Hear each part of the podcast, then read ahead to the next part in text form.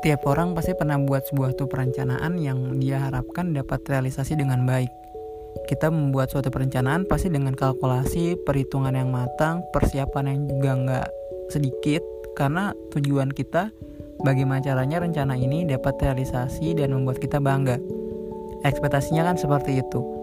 Walaupun terkadang realitanya nggak 100% apa yang kita rencanakan berhasil, tapi itu nggak masalah Nah, yang jadi masalah ialah ketika kita sudah merencanakan segalanya dengan baik, tapi tiba-tiba ada invisible hand, ada tangan yang tak terlihat, yang akhirnya menyebabkan semua rencana kita bisa dikatakan berhenti, nggak berhasil, bahkan sebelum kita mulai pun rencana itu nggak bisa jalan.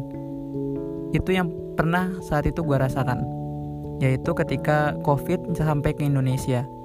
Ketika COVID ke Indonesia, rencana-rencana yang pernah gue buat berhenti gitu loh.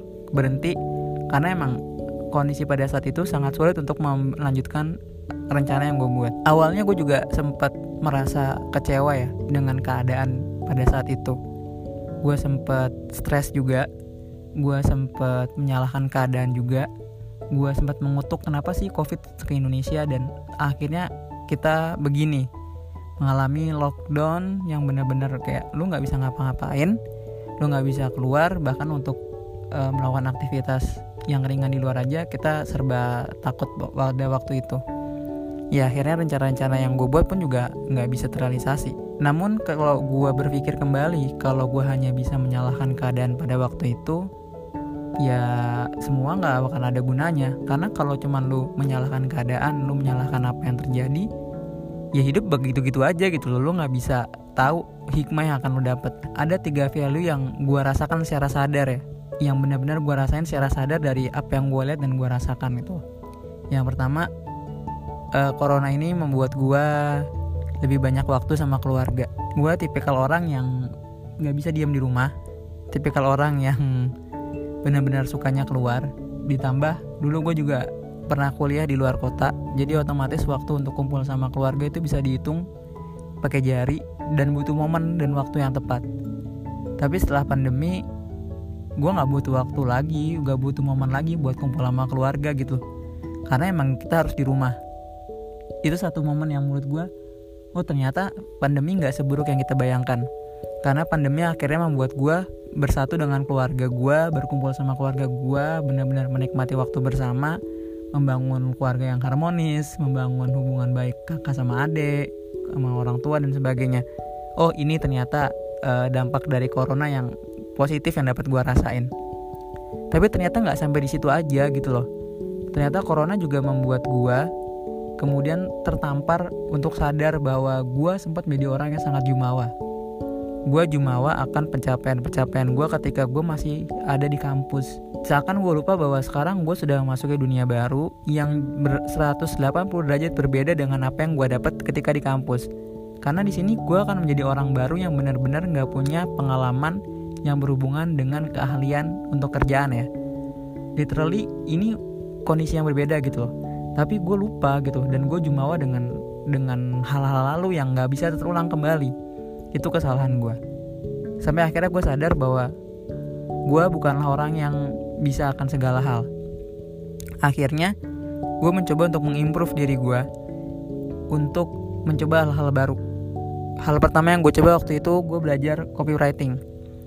Walaupun nggak bisa 100% berhasil ya dan gue juga nggak konsisten sayang sih gue bener-bener cuman mut-mutan doang waktu itu cuman pengen nyoba-nyoba aja dan nggak berjalan dengan baik.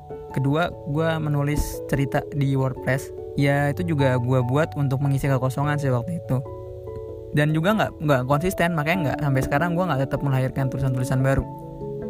Dua hal tadi, walaupun itu menjadi hal yang nggak konsisten, seenggaknya gue dapat suatu hikmah bahwa oh ternyata ada hal yang bisa gue lakukan, ada hal yang nggak bisa gue lakukan, atau memang hal itu bisa gue lakukan tapi gue nggak konsisten gitu loh. Dan itu menjadi pelajaran tersendiri buat gue oh mungkin gue ada potensi nih jadi seorang penulis. Tapi gue harus konsisten. Atau mungkin gue ada potensi jadi seorang copywriter. Tapi harus gue gue juga harus konsisten gitu. Dan dari hal dua hal yang pernah gue pelajarin tadi gue sadar bahwa ternyata masih banyak hal yang belum bisa gue gue miliki gitu. Banyak hal yang ternyata gue nggak miliki. Dan gue masih harus banyak belajar lagi. Jadi pandemi membuat gue tersadar bahwa gue orang yang masih but, uh, fakir ilmu orang yang masih fakir akan keahlian gue harus banyak belajar untuk bisa survive di dunia yang yang nyata gitu loh di dunia yang saat ini.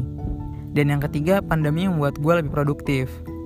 Kenapa? Karena pandemi ini akhirnya membuat gue terus berpikir apa yang harus gue lakukan agar gue menjadi pribadi yang produktif.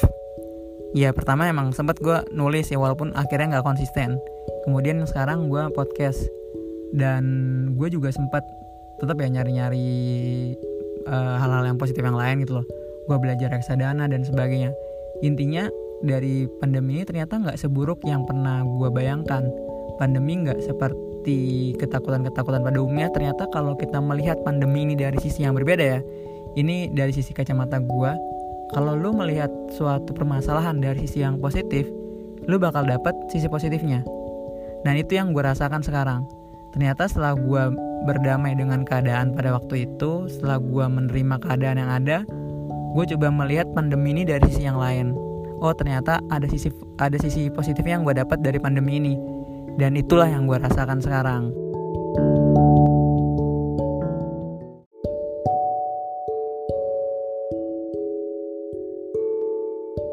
Pandemi ini kan ujian Tuhan yang yang nggak kita duga sama sekali. Itu ternyata menyimpan makna dan manfaat yang banyak gitu tanpa kita sadari. Dan kembali lagi ke diri kita kita mau melihat uh, permasalahan ini dari kacamata yang mana? Dari kacamata yang positif atau dari kacamata yang negatif? Kalau kita melihat kacamata negatif, tentunya ya pandemi ini nggak akan memberikan value apa pun buat hidup kita gitu loh. Tapi justru sebaliknya kalau kita lihat dari sisi positif, ini akan memberikan dampak untuk diri kita. Apa pun rencana yang manusia buat, apa pun rencana yang lo, gua, kita semua buat, kadang menurut kita itu adalah rencana yang terbaik. Namun ternyata Tuhan punya rencana yang jauh lebih baik buat kita, kayak pandemi ini ternyata rencana Tuhan jauh lebih baik. Gue bisa banyak waktu sama keluarga gue ternyata bisa mengimprove diri gue gue bisa lebih produktif dengan gue buat podcast gue nulis dan sebagainya. Andai kan tidak ada corona mungkin gue nggak bakal bisa melahirkan karya seperti ini. Tuhan selalu punya rencana terbaik.